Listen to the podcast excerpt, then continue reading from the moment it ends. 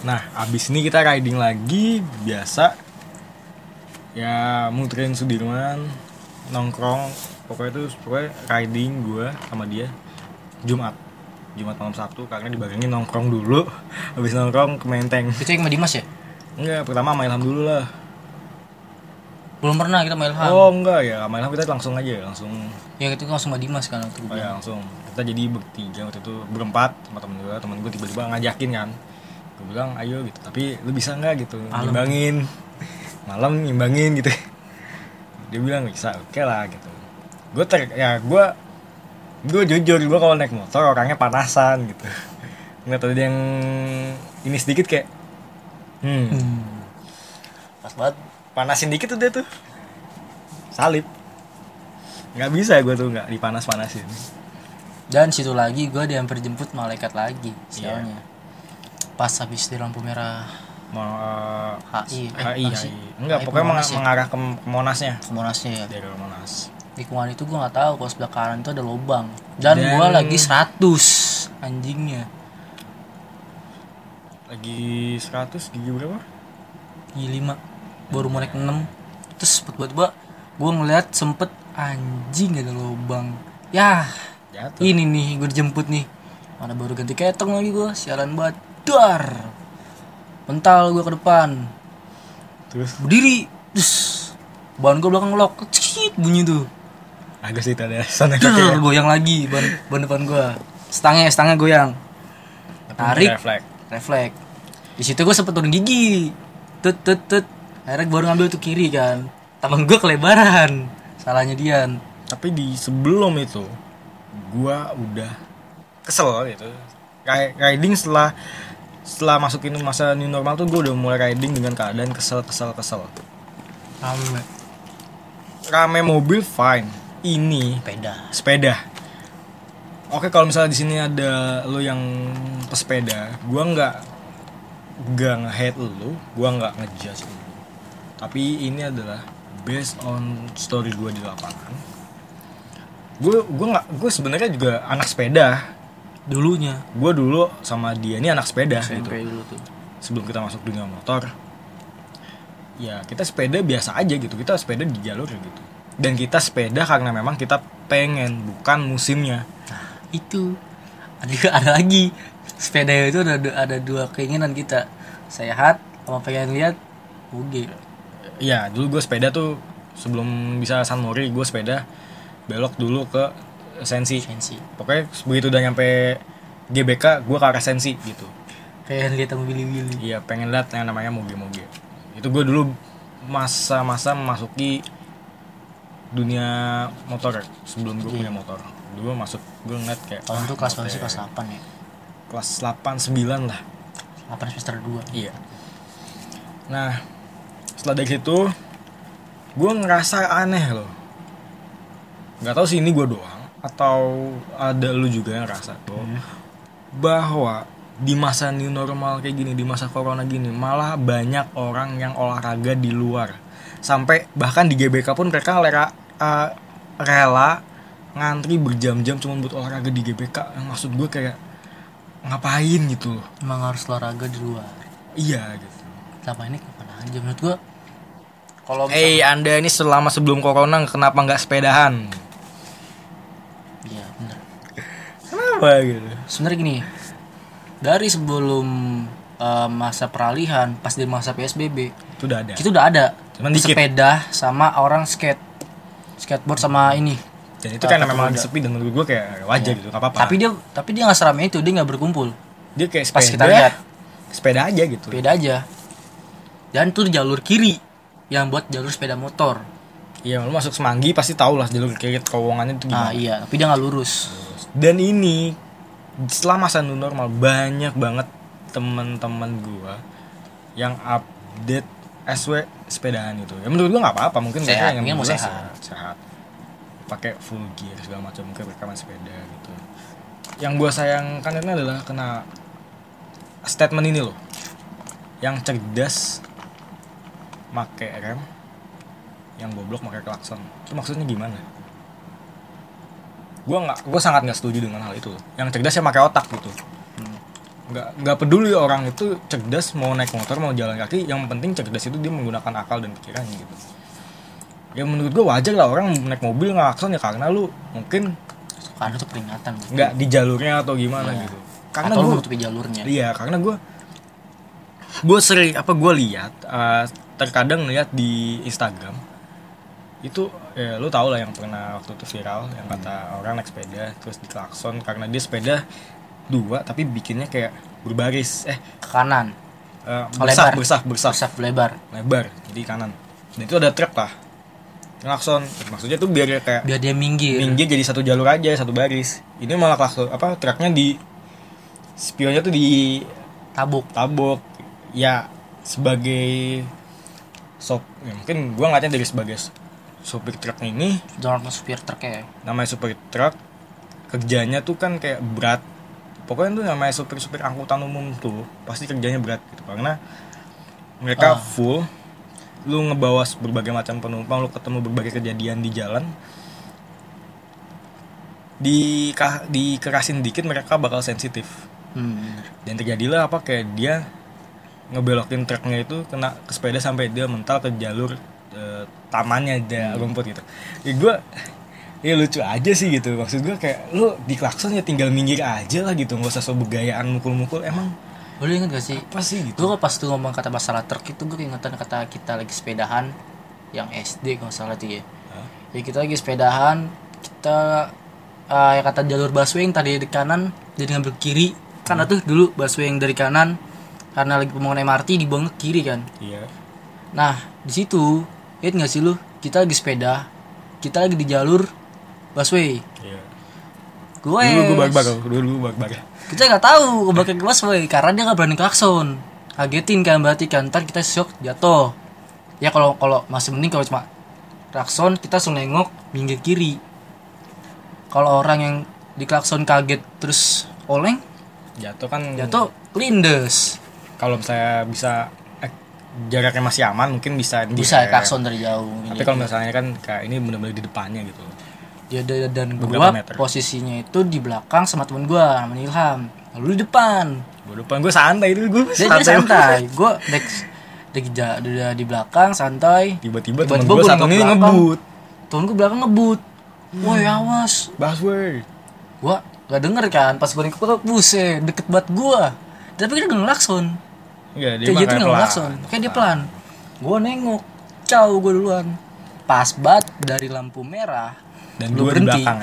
gua langsung tancap goes duluan terus du- duluin teman-teman gua. Nah, dan give a fuck gitu. Betis langsung gede gitu. Langsung cabut. Itu gua liat TJ lu. TJ yang nyambung dengan sih lu lu? iya. Ya memang maksud gue dulu ketika lu CFD lu mungkin pernah ngeliat yang namanya sepeda-sepeda tuh masuk jalur busway ya gue pun juga Sering. sering, gitu tapi kan kalau gue ya ketika itu ngeliat kondisinya adalah ba kosong baru di busway ada di depan di belakang mungkin masih ada jauh dan bagaimana caranya gue ngimbangin gitu biar cepet Hmm.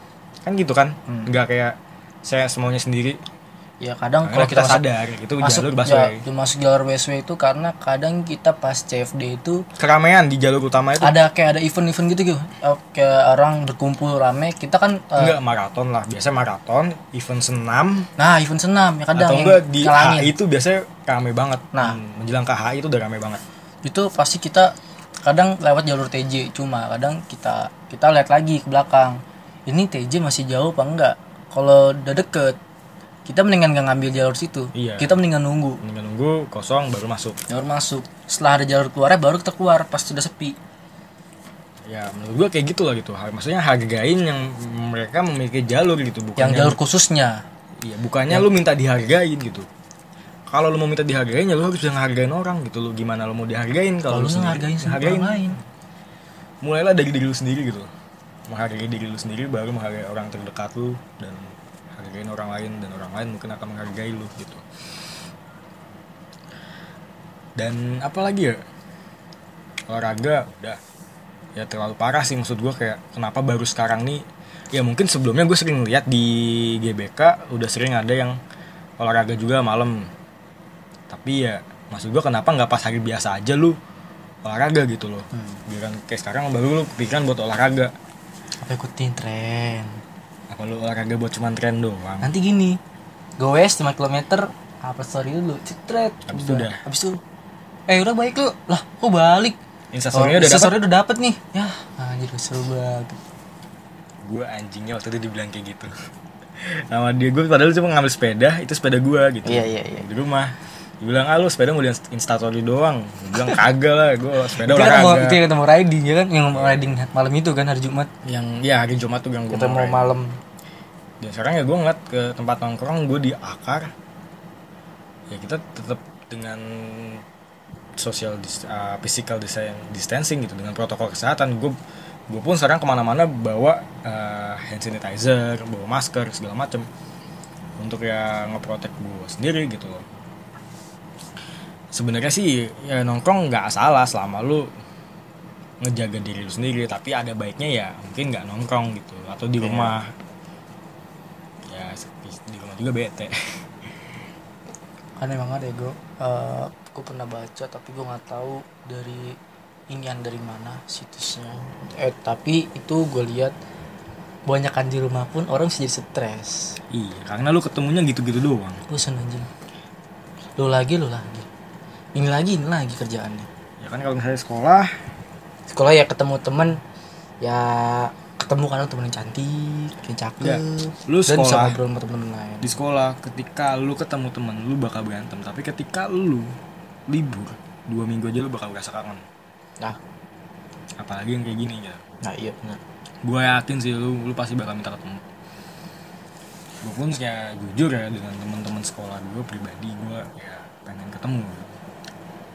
Yang di circle gue cuma kalau kalau kayak gini gimana ya kayak aduh keingetan keingetan. was was gue juga mau sekolah sebenarnya sih. Kepengen banget malah. Bukan masalah gue bukan masalah bukan masalah apa ya? di rumah ya. Bete di rumah. Gue juga pengen belajar. Satu. Terutama kita juga SMK butuh praktek. Ya gue jujur ya kita perlu praktek. Kedua gue butuh ngobrol sama temen-temen gue butuh main hiburan. Karena gue pernah begini. Gue berangkat itu panas badan gue sakit. Di sekolah sembuh kan lu sekolah. Sembuh gue kan temen gue sembuh kan? Di- digeplak pala gue kenapa lu? Lemes buat bocah. Semangat dikit kenapa? Baru tuh gue semangatin kan. Pura-pura semangat aja tuh gue padahal Eh, mah bablas. pengen pengen tepar aja. Eh bablas. Akhirnya guru kosong. Tiga tiga jam gak masuk. Gue tidur di belakang. Bangun Sembuh. sehat tuh. Sama teman-teman gue Ya, memang sebenarnya sih kuncinya itu adalah apa ya? Sosialisasi aja gitu. Iya sih. Kadang kalau kita kan kita makhluk sosial. Kalau kita nggak sosialisasi apakah kita bisa disebut makhluk sosial? Nah itu dia. Sebenarnya sih gue sekolah ya gini di sekolah gue ngerasa bete oke. Kita akuin kita nggak bohong lah kita sebenarnya juga males ya, kadang sekolah. bete juga jelas. Jelas tapi di rumah pun gue sekarang ngerasa gini ilmu apa yang gue dapet gitu sedangkan yang setiap hari dikasih adalah ya tugas tugas tugas gitu. Dan Nah, itu pun guru kadang juga nggak mau ngerti gitu. Maksudnya nggak mau ngertiin kita. Dia ngasih jebret nih tugas lu kerjain deadline besok jam 3 sore harus kelar. Dia nggak mikir ini cara caranya kasih nih tebarin soal soal sama cara caranya contoh soalnya nih. Nah sekarang gini. Nggak semua anak ada yang bisa apa ya ngerti dengan ngerti dengan sekali dia belajar sendiri. Ada yang perlu dibimbing ya teman gue yang bego MTK dibimbing sama guru gue pelan pelan tut, tut, Bisa. tut, tut. bisa tuh dia. Gue kata cuma sehari. Ya, cuma setidaknya dia dapat masuk ke otaknya. Nggak cuma kerjaannya main HP di belakang. Di sini gue nggak mengatakan semua guru kayak gitu ya tapi ada cuma ada beberapa guru yang begitulah. yang penting gue ngasih tugas yang penting gue dapat nilai. Sebenarnya gini sekarang yang gue pentingin ada bukan nilai tapi adalah uh, apa sih yang gue dapet gitu loh selama di sini? Karena gue dengar ada rumor yang bilang bahwa uh, nanti kalau di sekolah gue tuh SMK tuh pasti ada namanya LSP itu lembaga sertifikasi profesi. Itu kita dapetin sertifikat profesi Itu- jurusan kita. Itu penting. itu itu karena diakui oleh negara. Itu ada cap Garuda itu bersifatnya diakui oleh negara atau nasional. Nah iya nasional juga nah itu penting buat gue karena kalau nanti misalkan gue lulus. lulus mau nyari kerja. mau nyari kerja dulu itu itu, bisa. ibaratkan itu nilai plus. nilai plus lah. Kita dapat jalur agak khusus dikit lah. Karena udah tersertifikasi kita udah kayak kompetensi kita udah diakui oleh negara. Uh, dan sekarang gue bilang oke lah kalau memang mau diadakan tapi apa yang mau gue kerjain? Gitu praktek gue kurang. Satu ma- semester lagi ada. masa PKL gue dipotong nggak habis dan gue cuma dapat ilmunya itu sangat dikit. Di mana gue harusnya bisa dapat ilmu yang banyak ilmu praktek yang banyak. Yang terus yang kedua gue sebenarnya gue di sini setuju sih memang dengan eh, SMK 4 tahun. Gue juga setuju banget.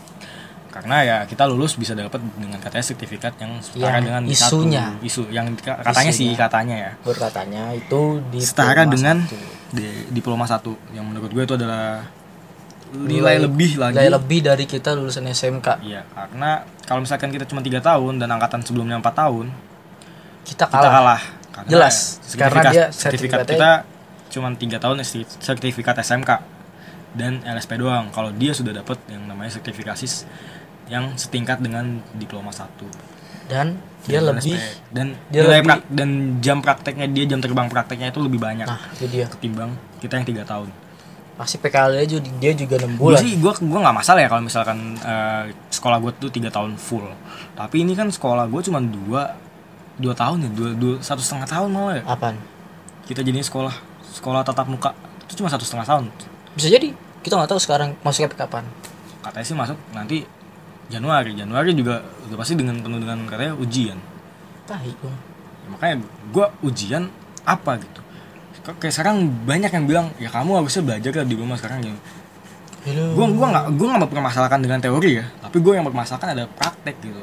prakteknya ini kita buat LSP kita butuh pengakuan dapat diakui oleh negara sertifikat itu Oke lah yang praktek menggunakan komputer masih bisa, gue masih punya yang namanya laptop. Gue bisa ngetik dari HP.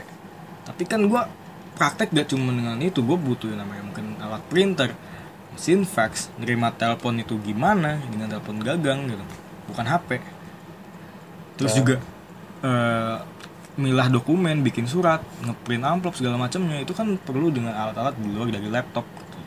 dan kadang guru waktu saat kita praktek itu suka ngasih tips-tips Iya, tips-tips yang harus kita lakuin agar bisa mungkin bisa memberi bantuan. bantuan biar lebih gampang kerja kita Makanya kadang suka masukan juga sih dia Makanya gue sih sangat berharapnya adalah eh, gimana caranya ya bisalah ada solusi yang baik gitu di pendidikan ini. Karena pendidikan kita katanya ketinggalan 182 tahun. Katanya ya gue nggak tahu. Katanya. Kata orang luar juga sih. Iya sih. tapi gue berharapnya adalah ya jangan dari ekonominya aja yang diperhatikan gitu. Tapi dari segi- segi pendidikannya pun juga. Karena kan nanti yang ke depannya yang dibutuhkan ini adalah generasi muda gitu. Karena generasi yang baru generasi yang fresh bukan lagi yang tua gitu. Karena kan yang tua bakal ada masanya sendiri. Bakal ada masanya pensiun. Dan kita ini kan memang harusnya dipersiapkan untuk nanti ke depannya gimana dan katanya sih ada wacana eh, belajar di rumah jadi permanen. Aduh. Tapi katanya sih gini permanennya itu nggak setiap hari. Ya ngerti gua. Jadi minggu, cuman- minggu ini kita masuk berapa hari minggu ini ntar di rumah. Iya gitu iya cuma ya nggak apa-apa sih. Maksud gua kalau misalnya kayak gitu sistemnya ya mending lah. Mendingan lah. Mending ketimbang dari lu full satu semester di rumah. Mendingan gua homeschooling gitu. Homeschooling Gua- jelas. Ini sekarang gue bingung. Gue mau masuk kuliah gue insecure sama otak gue otak gue sendiri aja kalau disuruh hitung hitungan lagi nggak tahu tuh. Gue masalah penghitungan. gue pun kemarin lihat ya peserta kedinasan di eh, Poltekim itu ada 1200 dan yang keterima cuma 300 ya. berarti kan Damn. 300 yang 300 doang. Oh. Poltekim Poltekim itu cuma 300 gila. Berarti 600 itu menurut gua saingannya banyak. Dan nggak sembarang orang yang bisa masuk. Dan gue kayak "Ah, apa gue ikut binsik aja ya binaan fisik gitu. Kayak kalau binsik kan gue kayak jadi ada bisa tahu nih gambarannya kayak gimana. Hmm. Dengan biaya sekitar eh, dua jokut. Itu lima bulan udah full gue latihan di, di Bintaro dan nyokap gue sih ya ya udah gitu kalau misalnya kamu mau ikut pembinaan fisik nggak apa-apa gitu. Tapi ya tetap aja gitu gue ngeliatnya kayak gila gitu loh ini dari mana aja nih gitu? 1200 ini dari mana gitu? Untuk sekelas kedinasan itu ternyata banyak peminatnya tapi untuk sekarang sayangnya adalah stan nggak buka. Kementerian Keuangan tidak membuka polite apa kedinasan stan untuk tahun ini sampai katanya 2024 wadidaw. Karena eh, lagi begini juga. Jadi mengurangi jumlah pegawai mungkin. Bisa juga. Karena semakin banyaknya pegawai nanti gaji semakin banyak. Dan kita butuh modal banyak gitu. Ya modal banyak ya dengan investasi kalau enggak utang gitu. Dan kita kalau kebanyakan utang nanti di demo. Demo lagi. Salah lagi gitu memang terkadang. Susah jadi orang atas ya. Nggak ngutang. Susah. Yang ngutang tersalahin. Juga. Kebanyakan ngutang tersalahin. Mana ya? Sekarang kalau misalkan kita nggak ngutang tapi listrik naik lu marah. Mana tapi kita ngutang listrik nggak naik pun lu tetap marah. Ya gimana ya ya memang terkadang solusinya ya harus win harus mengerti saling mengerti dua-duanya. Dan tahu-tahu nggak sih gitu? Yang kemarin sempat viral yang apa tuh? RUU PKS itu. PKS Iya. apa tuh? Penghapusan kekerasan seksual. Eh pokoknya tentang yang melindungi korban kekerasan seksual yang dan Dewan DPR tidak mengesahkan itu gara-gara terlalu sulit menurut gua itu aneh sih. Jawaban yang paling gak logis dari dewan dewan kita di permasalahannya apa ya bang? Masalah. Gue belum sempet gue baru denger beberapa kali doang sih. Gue sebelum sempet baca karena waktu itu gue lagi nggak mood baca. Waktu itu lagi nggak pengen Jadi baca. katanya sih permasalahannya itu karena eh, kan ada rancangan undang-undang yang diprioritaskan untuk disahkan kan. Hmm. Nah, harusnya nih menurut gua dan berbagai kalangan kekerasan hal apa apa rancangan undang-undang PKS ini itu penting buat disahkan untuk melindungi korban kekerasan seksual gitu. Hmm. pelecehan seksual nah itu malah nggak disahkan gitu malah nggak dimasukkan prioritas karena katanya terlalu sulit. Sulit diapanya gua nggak tahu gitu. Kalau terlalu sulit kenapa anda bisa menjadi dewan? Kalau kata di filsafat SpongeBob mah kekuatan dari dalam kekuatan dari dalamnya memang kuat ya. Kekuatan dari dalam. Gua aja ngerjain soal sulit masih bisa gitu. Maksud gue ya sulitnya tuh seberapa sulit gitu kan anda kan anda ini kan lulusan sarjana. Pasti tahu lah buktinya bisa jadi duduk di kursi dewan gitu tapi kok malah sulit gitu. Perlindungan seksual. Pokoknya perlindungan kekerasan seksual atau apa gitu yang pokoknya melindungi korban kekerasan seksual hmm. kan lu tahu gitu. Indonesia di Indonesia kekerasan seksual nggak ada perlindungannya gitu. Lu jadi korban tetap aja lu disalahin gitu. Ya pasti lu juga gitu? Kan? Terus sekarang gini eh, manusia dan itu Tahu. dan gue keselnya adalah di Indonesia terlalu menggunakan ungkapan. Ya ibarat kata di situ ada gula pasti ada semut lah. Emang lu kata gue nggak punya pikiran gitu. Emang lu kata gue hewan nggak punya otak kok disamakannya dengan hewan? Sudah bodoh kah anda? Sekarang gini coy. Manusia itu punya fantasi masing-masing. Pikiran fetis dan hawa nafsu. Nah ada orang yang yang kalau kalau sebagian orang ngomong ya normal itu kalau lu ngeliat cewek baju kebuka dikit lu itu nafsu. Ah enggak. Cuma ada Iya memang kita orang ngambil- yang lihat orang baju tertutup yang lekuk-lekuknya tertutup lah. Nggak nggak terlalu kelihatan. Nggak terlalu diekspos cuma tetep aja. lebih nafsu. Tetep aja. Tetap aja karena itu fetis dia sendiri. Fetis itu rangsangan. Kalau lo nggak tahu ya. Itu pengenan dia sendiri. Karena ada karena orang gini loh lu nggak setiap orang itu macem-macem coy. Karena nggak ada yang sama. lu nggak bisa menyamaratakan fetis seseorang. Macem-macem. Semua orang tuh beda-beda gitu. Jadi pengertiannya lah gitu. Jangan nyalahin korban gitu. Korban tertutup ada? Enggak, soalnya sebenarnya nih kalau mungkin ada dengan undang-undang ini kasus di Indonesia ini bakal kebuka banyak. Hmm. ya menurut gue ya ya harusnya memang adanya perlindungan kepada korban sih karena kasihan gitu. Dia ini udah dilecehkan dan masa sebagai penegakan hukum nggak ada perlindungannya sama sekali gitu. Malah korban ter- cenderung disalahkan gitu. Kenapa kamu sih sebagai perempuan keluar malam pulang malam gitu namanya wanita karir kerja menghidupi keluarganya apa pun dilakuin gitu. Penuh dengan resiko. Ya pasti dia juga udah mikir lah resikonya gitu. Pasti kalau gue pulang malam banyak yang gangguin gini-gini. Semua orang juga begitu. Gak laki nggak cewek pulang malam pasti pemikirannya begitu. Pasti gue dijahatin ada yang jahat. Banyak botok tuh jahat tapi tetap aja gitu. Masih aja disalahin gitu. Kamu sih pakai baju terbuka lah. Ada ada kantor. Beberapa kantor itu yang menganjurkan. Bukan menganjurkan sih menyuruh karyawan itu pakai rok yang ada batasnya. Ada batasnya. Nggak boleh ada yang cuma batasnya maksimal itu Selutut. selutut. Ada yang di atas lutut itu nggak bisa disalahkan loh Iya, misalnya kan kebijakan ya. kebijakan dari kantor. Lu nggak ngikutin lu nggak kerja di situ udah nggak usah kerja di situ. Anda bisa mencari tempat lain yang memperbolehkan Anda menggunakan eh, pakaian yang mungkin sesuai dengan ke kemauan Anda. tapi terkadang namanya Namanya- banyak orang yang bilang kerja di Jakarta itu susah cuma akhirnya mau nggak mau tuh orang Harus dijalanin. harus jalanin karena dia butuh uang dan butuh menghidupkan keluarga atau orang lain yang dia sayang Karena pada intinya dia membutuhkan pekerjaan untuk menghidupi kehidupannya. Nah itu. Jadi ya menurut gue ya, lu yang jahat-jahat gitu. Tolonglah gitu. kontrol. Kalau- kalau gua pun ya pribadi. Ketika main ke tempat-tempat yang memang berbau-berbau dewasa seperti kemarin gue biliar ya itu memang gua akuin gitu. Di sana tuh pelayannya seperti itu. Aduh.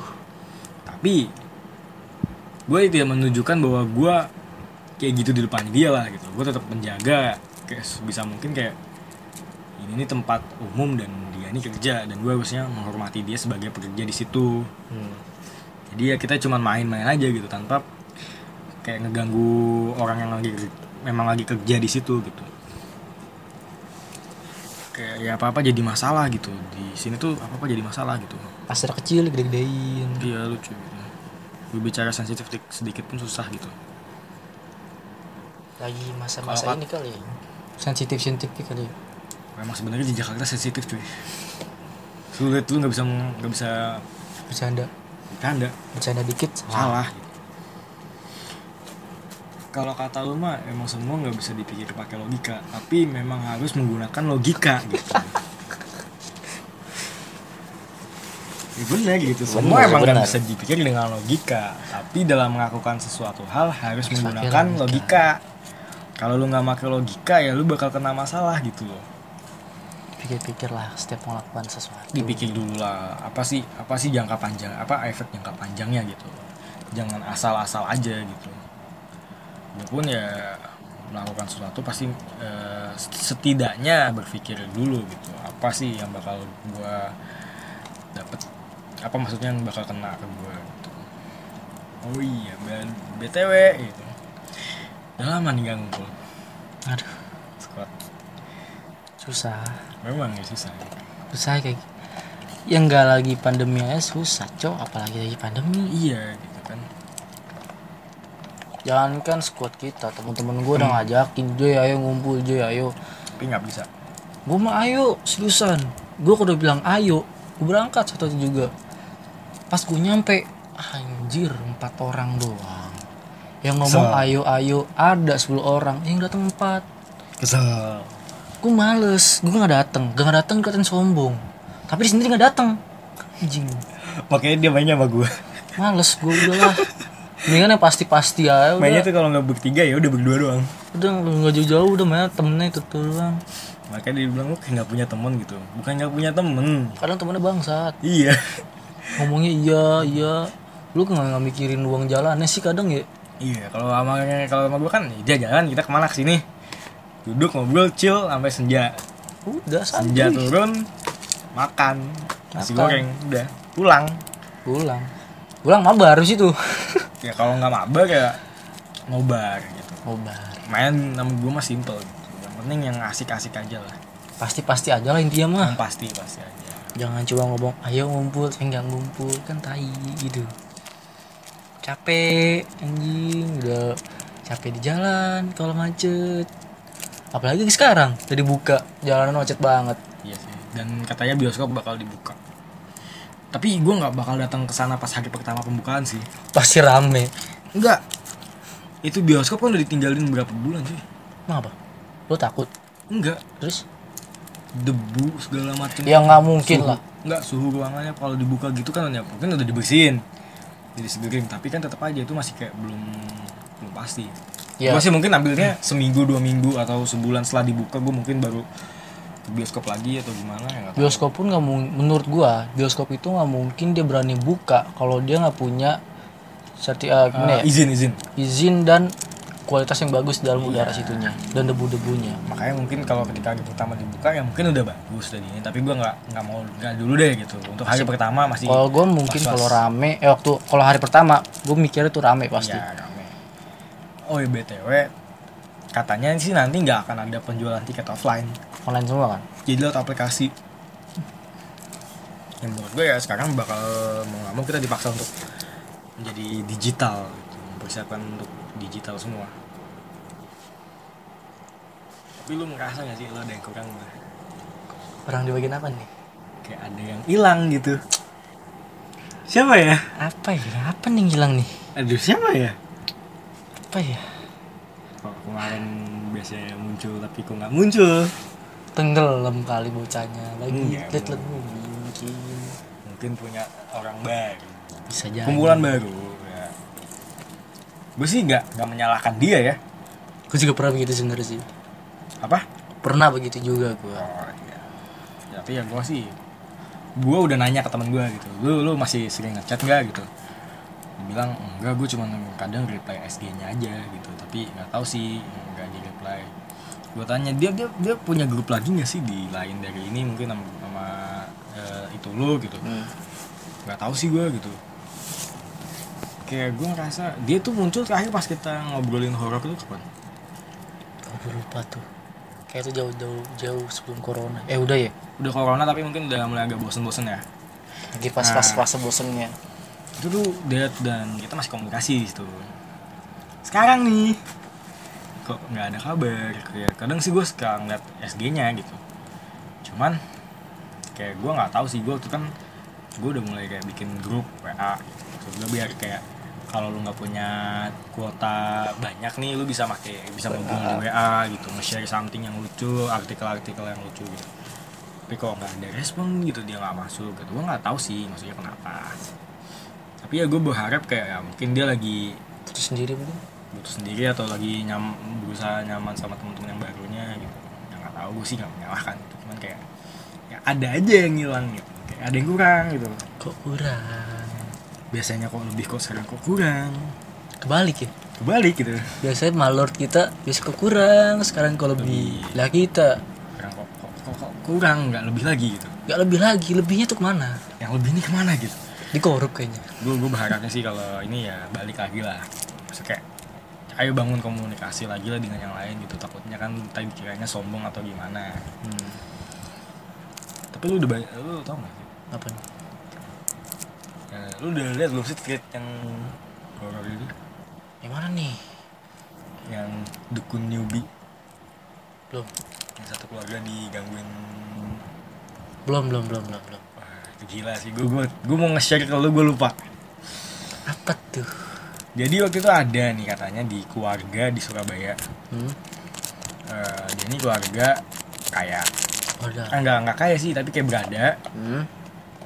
Waktu dia kecil nah dia ini tetangga nama tukang jahit Hmm. ya, lu tau lah Crazy Rich Surabaya tuh sebelum sekarang nih dulunya juga udah kayak udah lumayan lah kayak keluarga-keluarga di Jakarta Hmm. nah dia ini di tempatnya tukang jahit ini tempatnya kan gede, dia punya teras yang gede gitu Hmm. nah setiap sore tuh ada anak kecil suka main situ dan tukang jahit ini sama keluarganya si orang ini Hmm. juga baik-baik aja gitu kayak saudara Hmm. hmm. Terus? Nah, waktu itu katanya terdengar suara kayak ledakan petasan begini nih, yang gede tuh yang buat tahun baru. Hah? Nah, itu tetap lanjut main kan. Besoknya bocah-bocah yang main di situ demam semua cuy. Eh buset. Cuman dia doang yang enggak sama anaknya tukang jahit. Gimana? Yuk, bentar. Jadi anak kang jahit, eh, tukang jahitnya punya anak. Tukang jahit punya anak, Yang keluarganya punya anak.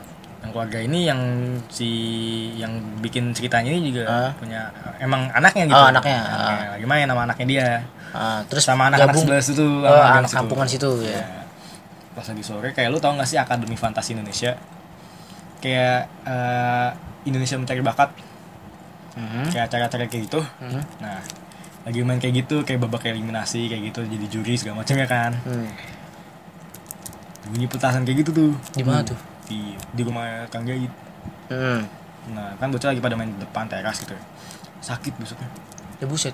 terus anak semua sakit cuman dua orang doang yang gak sakit Tunggu, ini berarti ledakannya di dalam rumah si tukang jahit. nah, iya yang gue baca sih begitu Tapi itu tahu penyebab apa nggak? Maksudnya ada yang main di dalam apa suara tiba-tiba? Nah, itu sih katanya suara tiba-tiba. Oh. Nah, lanjut nih malam nih. Si anak ini kayak kita kalau begadang suka begadang lah. Lu tau lah kalau begadang malam ke dapur ngapain? Ambil air, minum, makan. nah iya, Enggak. sama kayak gitu. Terus? Ngambil air minum makan. Nah, kan rumah ini ada salon nih. Ah. Salonnya ini kayak lu Hmm. depan situ tuh Hmm. tiga, Hmm. tiga meja ada tiga kaca. Hmm. Hmm. Nah pas di situ, Oke kok. iya di dalamnya tuh ada Ada apa tuh? di dalam kaca tuh ada eh, Wadah. ada gue gak mau nyebut karena gue sebenarnya eh, sangat ini kayak kayak banget karena gue baca itu sampai nggak berani gitu Si Lukba. sampai bener-bener berasa jadi ada eh, poci nah pocinya itu di dalam di dalam Kaca? cermin, iya Wadah. dan katanya kalau asli itu dia nggak punya bayangan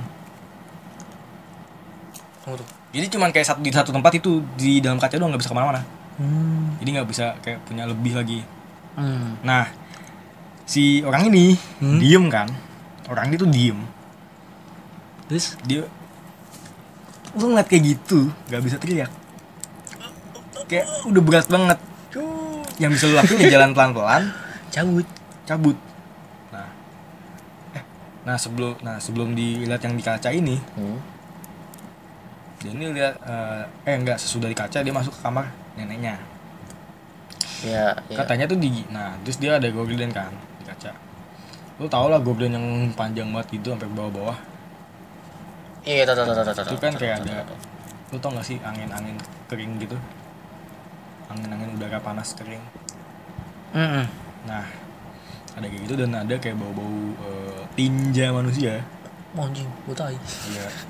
Dan lu tau gak sih dalam, ternyata itu dari dalam gorden Oh, itu ada kayak ngebumbung gitu. Bumbung. lu kalau main ketak umpet dalam gorden gini. Masih kelihatan kan? Oh, situ ya buset. Tapi dia, dia eh, ngelingker juga. melingkar gimana Kan kalau kita main di belakang berarti kan berarti kan ini kan kayak kita ngelingkerin hordingnya kan. enggak enggak melingkar yang jadi kayak di belakang gorden berdiri Hmm. itu kelihatan tuh dan itu bersuara Bersuara apa tuh? kayak kayak lu tau orang tidur ngorok Oh, Nah, nah, dia tuh kayak suara ngorok gitu. Wah, gue gak kuat sih. terus Gue gue kayak aduh aja gitu. Malam nih. Apa? Ajak ngobrol aja sini kita ajak ngobrol sini samping. Nih nih kopi belum habis nih. Anjing, Ajak emang. ngomong duduk sini samping kiri gua kita ngobrol bareng. Kalau bro versi dia. Fuck the hell. Versi, versi dia datengin. Jangan lagi. duduk sini bareng sama gua. Kita ajak selfie dulu. Siapa tahu dia terkenal. Anjir. Nah, itu nah yang satu ini katanya sih yang di kaca Hmm. bentukan itu bener-bener gak ada nggak ada bentuk manusia kayak tengkorak gitu nah kalau yang ketemu ini kayak udah masih ada kayak rusak-rusak gitu dan kayak matanya kayak gimana keluar gitu gue nggak tahu. Kayak udah lebam-lebam hitam banget. Nah akhirnya si anak ini teriak. Hmm. nah gue kak yang paling kasian nih neneknya. Neneknya tuh stroke. Hmm. menyerang saraf penglihatan. Hmm. jadi dia cuma bisa nanya ada apa? Ada apa? Nyokapnya dia langsung ke kamar neneknya. Hmm. Di sini ada di rumahnya itu ada om om tantenya om tantenya ini eh, Katolik nyokapnya Islam turun ngeliat ada langsung diangkat si neneknya dibawa ke kamar di satu Hmm. gendung kan Enggak, om ini om ini tantenya ngangkat apaan? Hah? Tadi kan lu bilang ada yang diangkat. diangkat ini maksudnya ngangkat neneknya ngegendong neneknya Ah. buat dibawa ke kamar biar aman Hmm. akhirnya duel loh Wadidaw, duel apaan tuh? nyokapnya sama itu yang berdua Oh, sama omnya juga dibantu berdoa duel Wih, dua agama ya. iya uh, Mantap, kolek dia. nyokapnya bawa Al-Quran si omnya ini bawa kitab Oh, gue pikir bawa ini. tapi tetap omnya bawa rosario Hmm. yang gelang itu tahu kan Gimana tuh? yang gelang ada salibnya Oh, ini bisa bisa poster itu.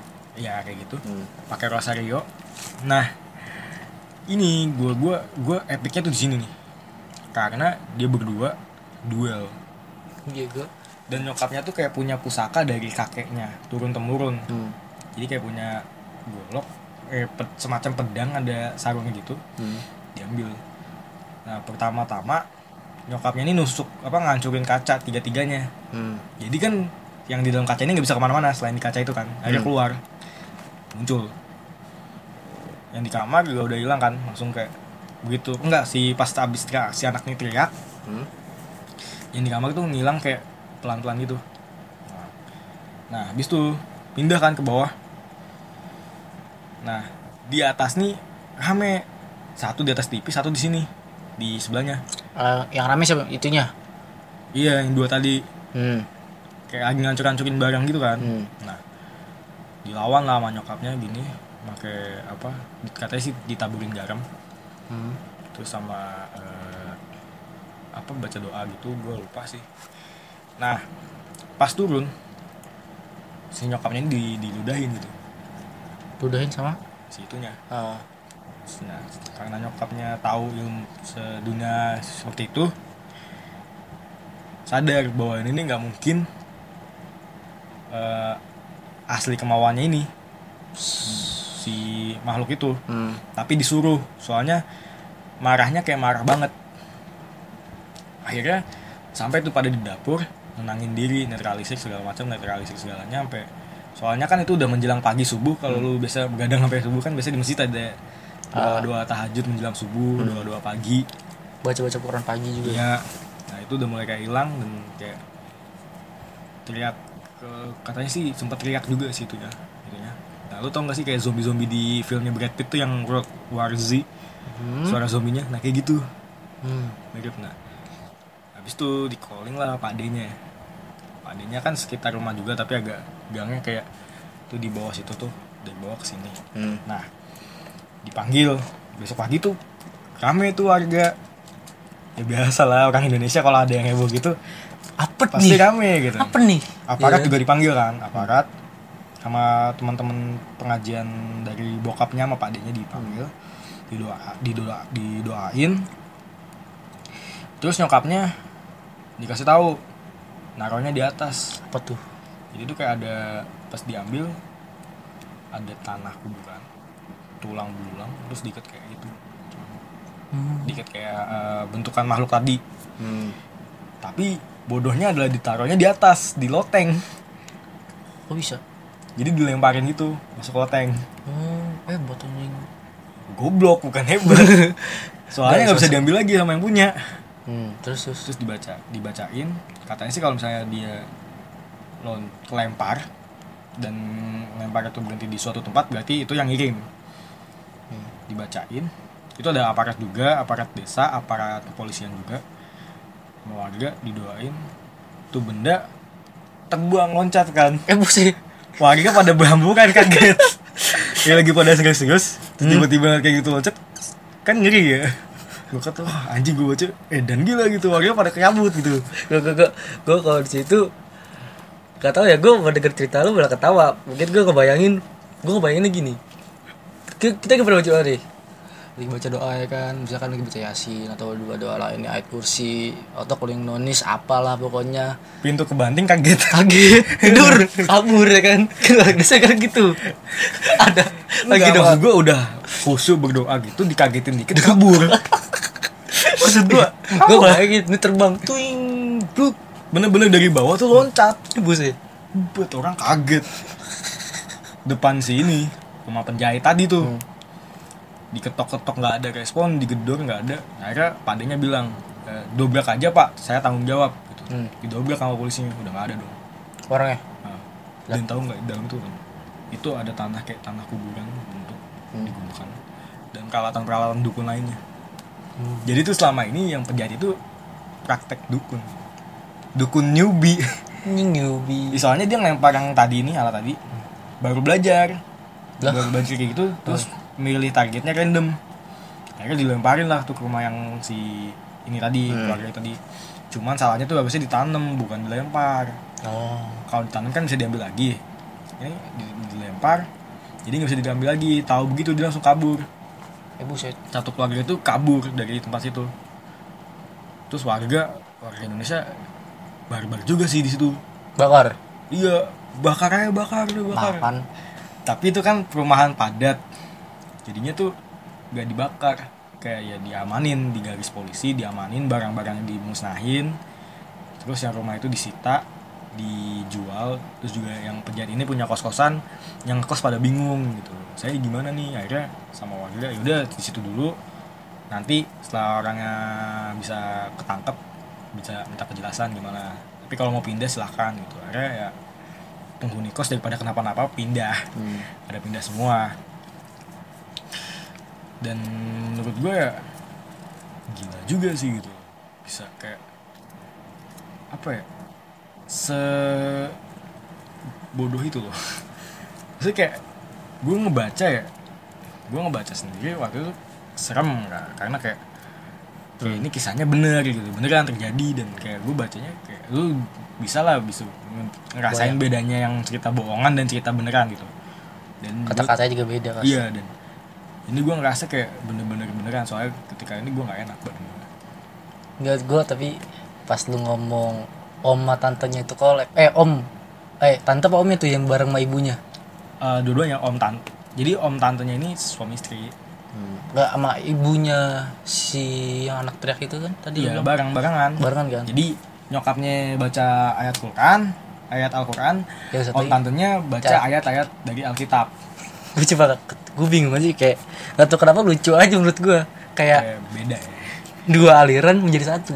ya terkadang pertolongan Tuhan bisa sehebat itu gitu. gue juga kaget terus dong oh ini Kristen ibunya Islam ya it's okay cuma pas lu bilang dia collab gue kayak mikir lagi kok lucu ya gimana sih kayak sebenarnya mungkin gua mungkin di saat posisi itu harusnya gue tegang cuma karena lagi cuma denger cerita otak gue kayak ngebayang hal yang lain gitu kayak bener ini collab gitu.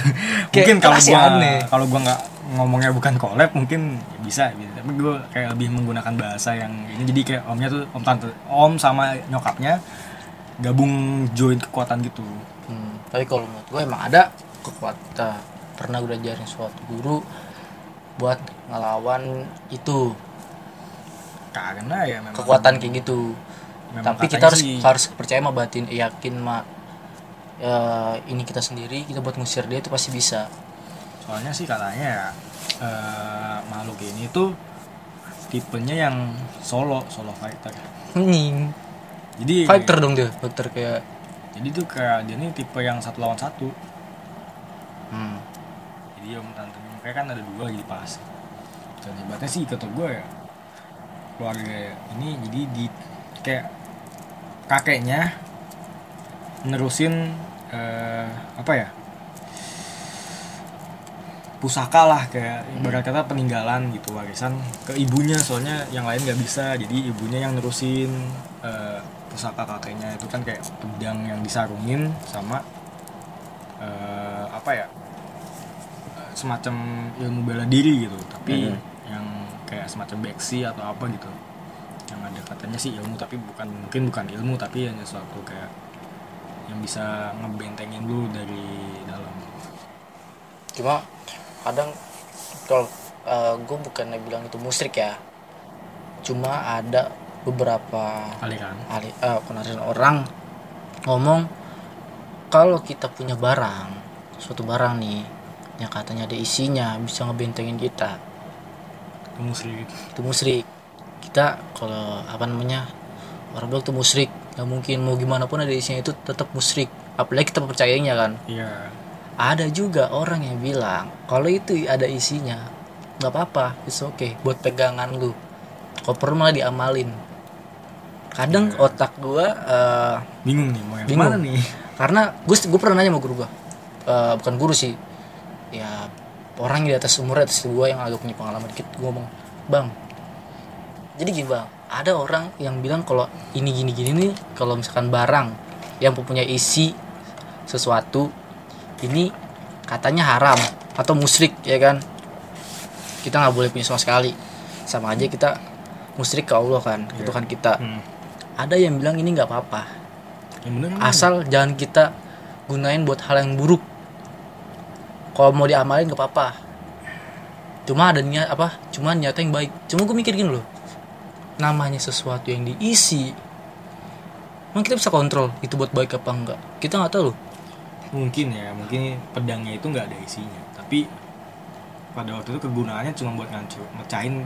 Jadi kacanya itu ditusuk boy. Tahu gue pecahin pastinya. Iya ditusuk terus pecah tiga tiganya Hmm, cuma gue mah kadang mikir kayak gitu. Dua dua dua pendapat yang ini nih yang kadang bercekcok sama gue gue nggak tahu mana yang bener mana yang enggak cuma gue lebih lebih percaya sampai sekarang ini sesuatu yang ada isinya pasti itu musyrik. Mau itu yang buat hal baik atau buruk namanya itu kita eh, mau nggak mau nggak mau pasti kita nggak lama percaya sama, sama tuh barang. Ah ah ini kita ada ginian. Ada misalkan eh, ini kita ada pegangan nggak mungkin orang misalkan kita gini. Itu aja kita udah musyrik. Iya kita udah percaya rind- di lain rind- perlindungan itu selain Allah sama benda dan benda itu bisa juga diisi sama jin. Mungkin suges ya bilang orang ini ada isinya padahal enggak. Nah. tapi sugesti kita aja yang termainkan situ. Iya bener juga sih. Kalau gue sih selama suatu hal masih dibantahkan dengan logika gue nggak percaya. Eh ma- masih percaya tapi kalau yang udah di luar logika gue kayak masih mikir dua kali. Masih mikir dua kali gitu. Tapi kadang ya di luar logika di luar logika tuh kayak ya harus diterima gitu. Memang adanya kadang ada ada yang kadang memang enggak. di luar dari pikiran kita di Logika luar dari ke- logika manusia kita sendiri gitu logika manusia. Gua gua sebenarnya hal gua ngalamin sendiri pernah tapi nggak separah kayak gitu. Kayak cuma gangguan gangguan dikit gangguan dikit lah ya gangguan yang ya mungkin masih di wajar aja kalau gue punya cerita kayak gini. Nah, jadi eh, om gue ini tuh dia tidak percaya. Enggak dia dia kayak gini juga. Jadi eh, keluarga. Jadi om gue ini nih om yang apa ya sini? Om gue dia tuh eh, ini kayak punya pegangan tapi nggak tahu dari siapa. Hmm. punya pegangan dalam badannya tanpa diketahui sama dia. Nah, dan eh, tan eh, nenek gue ini nenek ini tapi dia neneknya gimana ya? masih muda lah. Kalau buat orang Jawa bude lah. ya bude. Dia ini bisa ngerasain melihat kalau ini orang ada isi, ada, ada isinya. Hmm. dikeluarin dah tuh. Gitu. Bude lu? Ya sama suaminya juga dibantuin. Udah dibantuin nggak mau keluar nih orang cewek nggak taunya. Nggak mau keluar malah ngebantah malah ngelawan terus malah dia juga nangis. Ya, seperti dikeluarin tuh. Set udah keluar. 5 menit kemudian. Masuk lagi? Masuk lagi. Tapi bukan ke dia. Ke keluarga di sekitar. Ke mbah gua. Oh terus terus gimana? Mbah gua om gua satu lagi. Bukan yang kena yang ada di sekitar rumah situ. Sama om gua lagi. Hmm. jadi ada dua om satu mbah gua. Oh iya terus kena. Hmm. yang satu ngomong Jawa yang satu ngomong Sunda mbah gue Belanda yang ngomong. Eh, dan. Gue bingung buset alirannya banyak banget ini sampai ke Belanda. Jadinya salah server gue bilang. Sa- zaman koloni kali. Iya. Si saudara gue ceritain. Gue denger dong yang bagian Jawa-Jawa serem nih. Berontak berontak mulu sampai hampir ngelancurin barang keluar satu. Satu lagi keluar mau gue yang kedua nih. Tinggal membah gue didengerin dulu coy. Dia ngomong Belandanya. Justru malah diketawain di situ. Iya gimana ya? Sama budeko. Gimana ya? Ketidakngertian kita kepada bahasanya mungkin. Iya Gua- mungkin. Cuma kita unik sih unik. Kayak kayak lu. Gue tapi gue serem serem. Gue mungkin kalau di situ kalau di situ gue takut. Cuma gue mikir ini orang kok bisa sampai ke Belanda ya masuk ya servernya jauh amat gue bilang. Bisa masuk ke Indo. Akhirnya dikeluarin tuh. Udah kelar udah kelar soalnya. Cuma datang lagi si cewek ini. Ke orangnya dikeluarin. Terus tetap minta nggak mau nggak mau dikeluarin. Akhirnya dikeluarin paksa secara paksa itu sampai dari jam 12 sampai jam 4 baru bisa mau- baru bener hilang. Terus terus gimana? udah clear. Cuma saudara gua pas bagian mbah gua mesin masuk. Belanda eh, orang yang bahasa Belanda dia ketawa. Lah gue juga ikutan ketawa dong. Lah keren amat. Server sampai ke Belanda gue bilang. Gue mungkin kalau di situ gue ketawa. Tapi ya gue gak mungkin lu gak mungkin ketawa gue percaya. Enggak tapi gue nggak mungkin ketawa di depan. Dalam hati gue mau pengen ketawa. Abis itu selesai baru ketawa. Pengen dalam enggak pas gue mungkin gue pengen ketawa. Nah ngomong apa nih? Tapi gue nggak nih? mau tapi gue nggak mungkin ngomong ketawa depan dia. Kalau tiba-tiba gue tunggu kan kaget gue mending diem aja gitu apa menghormati lah gitu. Hmm. kayak respect lah so some so some respect pada mereka. Iya. Gue juga pernah lagi nginep nih sama saudara-saudara gue berempat. Dua cowok dua cewek di rumah saudara gue nih. Gue lagi nginep rumah saudara gue yang satu lagi saudara gue ini adik kakak. Jadi tidur di ruang tengah. Kita niatnya pengen begadang tuh pagi sotoy-sotoyan. Ya kan saudara gue emang lagi sakit yang cewek adiknya nih saudara yang ini. Pulang ke rumah dianterin sama gue sama tante sama abangnya. Gue anterin pulang gue balik lagi bisa bertiga. Yang punya rumah tidur nih cewek. Hmm. tinggal gua sama saudara gua yang laki. Mas gua. Enggak boleh. enggak kita Oke, ngobrol enggak, bola nonton bola. Tahu bola lu? Tahu gua. Cuma nonton doang. Gue kira tahu. Karbit lah karbit Oh, gua mah ya penting tuh Enggak, ada bukan karbit siaran. Nonton bola aja lah gitu menang kalah ya bodo amat. Ya penting tahu cara permainannya lah. Iya. Terus? Ya, kayak gitu akhirnya kita bete dong. Akhirnya kita main game yang bluetoothan dia tahu gak terus udah selesai eh, apa yang game tembakan tuh dulu namanya kayak CS gitu lah tapi namanya gue lupa apa di HP action. Crisis Action lain lagi. Oh ya ada lagi kayak yang yang ini. Udah gitu? Gue nggak tahu apa tiba-tiba ngantuk. Terus? Gue ngantuk gue tidur duluan. Mas gue nih sialan dia penakut sebenarnya. Tapi soto ya? Dia cabut pulang ke rumahnya telepon bapaknya minta tolong jemputin. Sialan gue tinggal sendirian. Saudara gue yang punya rumah bangun. Cabut tidur di kamar. Gua jam 2 pagi. Bangun dikit nyamuk. Eh buset. Pada ke mana nih gue bilang. Terus? Sendirian gua. Hah? kacau banget gue namanya gue rumah saudara ya kan? Kagak enak mau ke mana-mana juga ya gue gabut ya kan? Aku main hp nonton youtube. Untungnya ada wifi di rumah saudara gue nah, gue nonton youtube. Meninggal. Itu jam 2 setengah tiga tuh. Setengah tiga udah mulai gak enak gue dingin banget ya tiba-tiba ya gue bilang. Gue cuek gue mau masuk ke kamar deket ini. Nggak enak.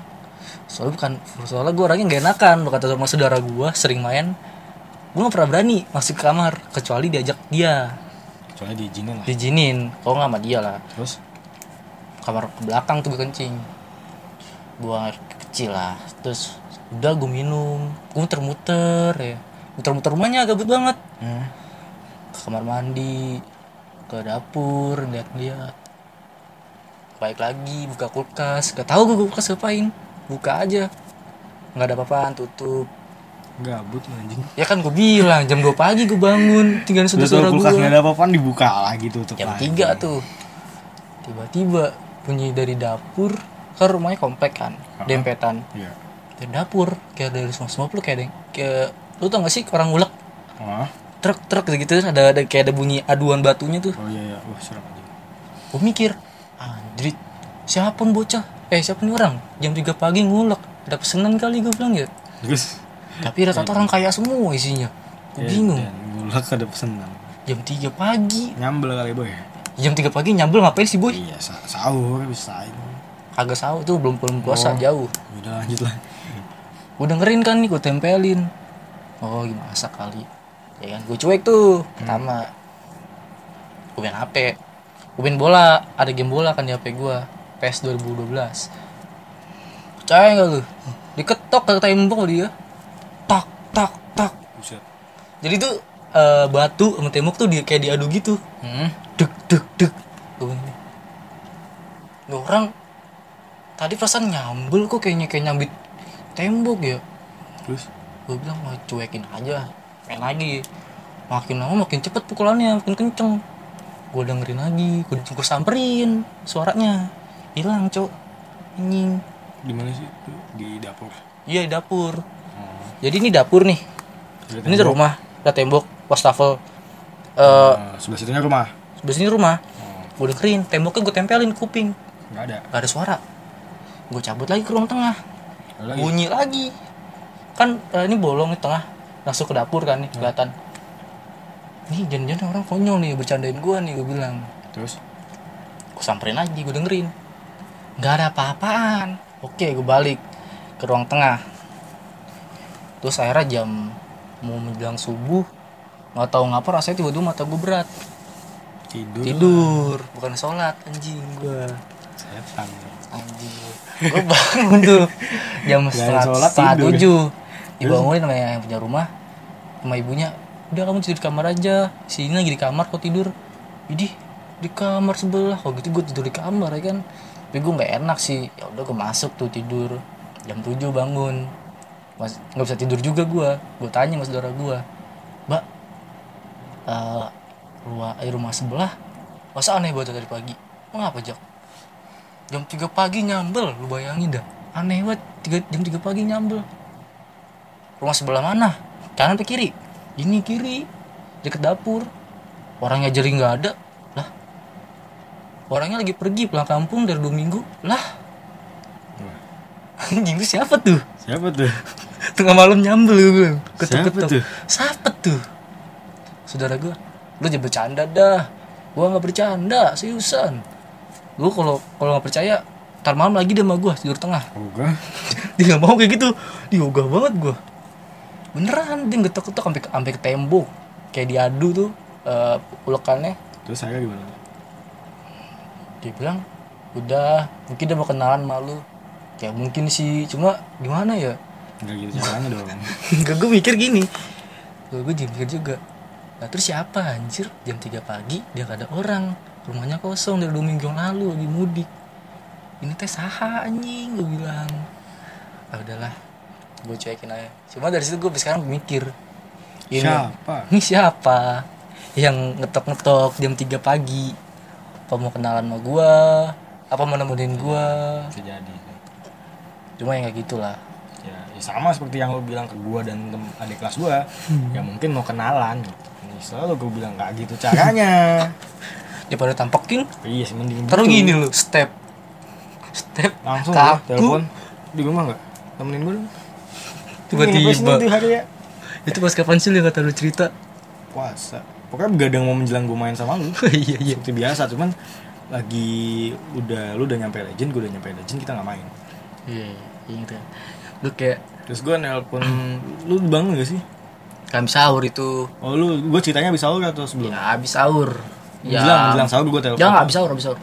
Habis habis habis gua sholat Gua jam sekitar jam limaan kalau nggak salah cerita. Itu cerita ya ke gua. Tadinya gue percaya dengan perkataan temen gue bilang katanya mungkin ada orang jahat monet jahat sama lu bay. Cuma setelah gua pikir-pikir gue bikin enggak setelah gue pikir-pikir juga. Rumah depan pintunya kebuka.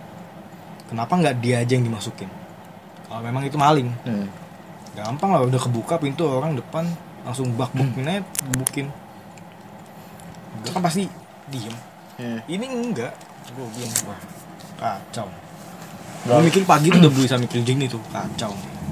Gue cerita kalau lu langsung apa meng gua nggak- membayangkan. kayak ngerasa ada di kamar lu bagian lemari lu tuh lagi ngeliatin lu nih. Lu lagi tiduran ya kan sambil ngeliat guling lu ngeliat sesuatu lu kaget terus lu ada lu kayak ngelempar sesuatu. Habis itu udah gue gak ada bayangan lagi. Cuma ngeliat dari situ doang. Nah gue lu bilang kan jendela lu itu kayak ada apa namanya? Teralis teralis pertanyaan gue jendela gue tuh kayak jendela penjara ada cuy. Jadi kayak ada teralis ini jendela eh, enggak ini teralisnya jendela kayu gitu. Jadi kayak ada ya jendela kayu lah gitu. Nah kacanya tuh kan emang udah nggak ada pecah. Jadi belum sempet diganti sama gue soalnya juga bawahnya tuh jebol jadi cuma teralisnya doang sama gorden selalu gue tutup. Hmm. nggak buka kalau malam. Nah situ. Dan gue mikir Bes tralis gue tuh kapan sih gue terakhir main ke rumah lo gitu ya? Eh, sebelum habis lu cerita itu. Sore deh kayaknya. Sore gue main ke rumah lo ya? Sempat ke rumah lo. Gue ngeliat kaca gue mikir gini. Bener juga tangan orang nggak bisa masuk. Tangan orang nggak bisa masuk. Per- pertama itu teralis lu lu bilang kayak ada suatu pak tangan atau badan kepala setengah badan lah. Udah mulai masuk kan Iya. lu bilang iya ya. lu mikir dah itu teralis cuy. Nggak mungkin bisa. Masukinnya gimana? Dan seke- jangan sekejap pas lu sambit dan logika gue tuh baru mikir ketika kalau gue sambit itu kedengeran. Tuh. kali ini enggak jadi langsung kayak bek kena golden hilang. Dan sampai sekarang gue kayak "Ya udah lah gitu. Semenjak saat itu gue begadang nyetel muro apa orang baca Al-Quran gitu. Kalau enggak orang nyetel Quran itu buat nemenin gue begadang. Soalnya gue pada waktu itu bener-bener kacau gue nggak bisa tidur sama sekali. Dan kalau kata ini manusia nih gue ditegur. Karena kebanyakan begadang iya soalnya bisa jadi bisa jadi kan itu. Karena mungkin gue mengganggu kegiatan mereka atau menggi oh, maksudnya mengganggu waktu di mana seharusnya gue tidak beraktivitas gitu bisa tidur. Hmm. tapi tetangga gue yang sebelah itu fine fine aja dia begadang tapi nggak nggak pernah merasakan mungkin bedanya adalah ketika itu gue sambil nyetel YouTube tapi gue nggak pakai headset. Bisa juga. Soalnya biasanya sih di depan itu juga ada temen apa tetangga gue mabar sama teman-temannya sampai pagi sambil nunggu sahur gitu. Ya mungkin ya gue di- di- ditegur karena gue mungkin uh, siangnya itu sempat ditegur nyokap gue dan gue tidak mengindahkan tegurannya. Enggak Enggak. enggak mau dengerin sehingga menyebabkan kejadian seperti itu. Pokoknya lu semua uh, kalau nyokap lu bilang sesuatu mending lu turutin ketimbang ada seseorang yang apa ada yang ngingetin lu yang lain. Yang inget yang lain yang ngingetin lu. Iya apa seorang lain yang mengingatkan lu gitu. Sumpah itu nggak enak banget cuy. Gua pun kayak anjir gue gue ingetin om gue tengah malam lagi benerin mobil jam 2 bukan nyuci ya? enggak jam 2 lagi benerin mobil. Lagi benerin apa sih? Audionya. Tuh, itu gila ya. istrinya bilang Anjir. Depan eh depan rumahnya itu tuh kebun. Kebun pohon pisang mas pohon pohon segala macem. Istrinya bilang jangan. Gitu Ya apa jangan. Udah benerin nanti aja. Pagi. Sepagi jam 7 kan terang. Tetep ah enggak bentar doang. Nggak dengerin. Oh lagi benerin tip nih. Kayak dia ngerasa Betul. kayak pengen, pengen liat ke atas. Posisi begini lagi kan posisinya nunduk kan? Pas Iya, nengok kalau benerin audio lu pasti tau lah posisi gimana. Ngeliat ke atas ke depan. Bakek kok si kuntai. Kuntai. Rambut panjang. Oh itu gua gua sih. Om gue langsung demam ya? Agak om lu om gue gue pucet. Langsung. Pasti pucet lah gua juga pucet kalau- kayak gitu gua juga pucet boy. Dia dia dia nyabut kunci tutup pelan pelan pertama dia mau masuk pintu dia lari ke arah pintu tapi pelan pelan jalan pelan pelan jalan cepet lah jalan cepet dia jalan. cepet. Pas udah nutup pintu rumah kunci cabut dia lari ke kamar tante gue kaget dong. Muka Kenapa? dia paniknya itu kayak apa ya? kayak orang panik. Pucet lah. Pucet. Panik habis dikejar ma apa dikejar panas dingin orang terus jahat lah. keringetan. Kayak lu ketemu orang gila tengah malam di jalan. Terus lu tiba-tiba nggak ada sebab apa apa dikejar. Nah. gitu. tuh pucet tuh sampai jam 6 katanya. Coba dari bacaan segala macem ayat kursi bacaan Quran. Panik lah. Akhirnya pas udah habis sholat subuh tuh udah mulai gemendingan dikit jam 6 baru udah bisa tidur besoknya gue disuruh sono kan sama tante gue sama nenek gue terus pas gue mau pulang dikasih tahu sama tante gue tuh tuh tuh tuh. Katanya ngatin situ tuh di pohon-pohon pisang situ. Wah. Jangan-jangan lagi ngatin lagi nih om sekarang dia. Enak aja lu. Takut dia. Dia cabut. Tapi gue belum pernah sih ngeliat langsung. Gue juga alhamdulillah belum tapi rasa doang. di mendapat teguran terkadang pernah jadi kamar gue dong. Wah itu di next episode lah gue ceritain lagi lah. Pokoknya sedikit eh, paranormal experience. Jadi mungkin sampai sini aja dulu deh. Pembicaraan random ya. Hmm. ya semoga lu ya dengerin gitu. Pokoknya ambil aja yang pengalaman yang baik-baiknya yang buruknya tinggalin. So uh, thank you uh, thank you guys for listening. Uh, I hope you have a wonderful day and keep safety and tetap ikutin protokol kesehatan cuy. Jangan bandel. Biar lu nggak nambah beban. Jangan bebanin oke. Tetap sehat eh, panjang umur selalu. Mungkin lu punya impian yang belum lu tercapai semoga lu bisa mencapai impian lu tersebut. So segi- segitu aja dari gua. Eh, kalau lu suka mungkin lu bisa follow gue di eh, follow Spotify atau lu bisa share ke teman-teman lu. Goodbye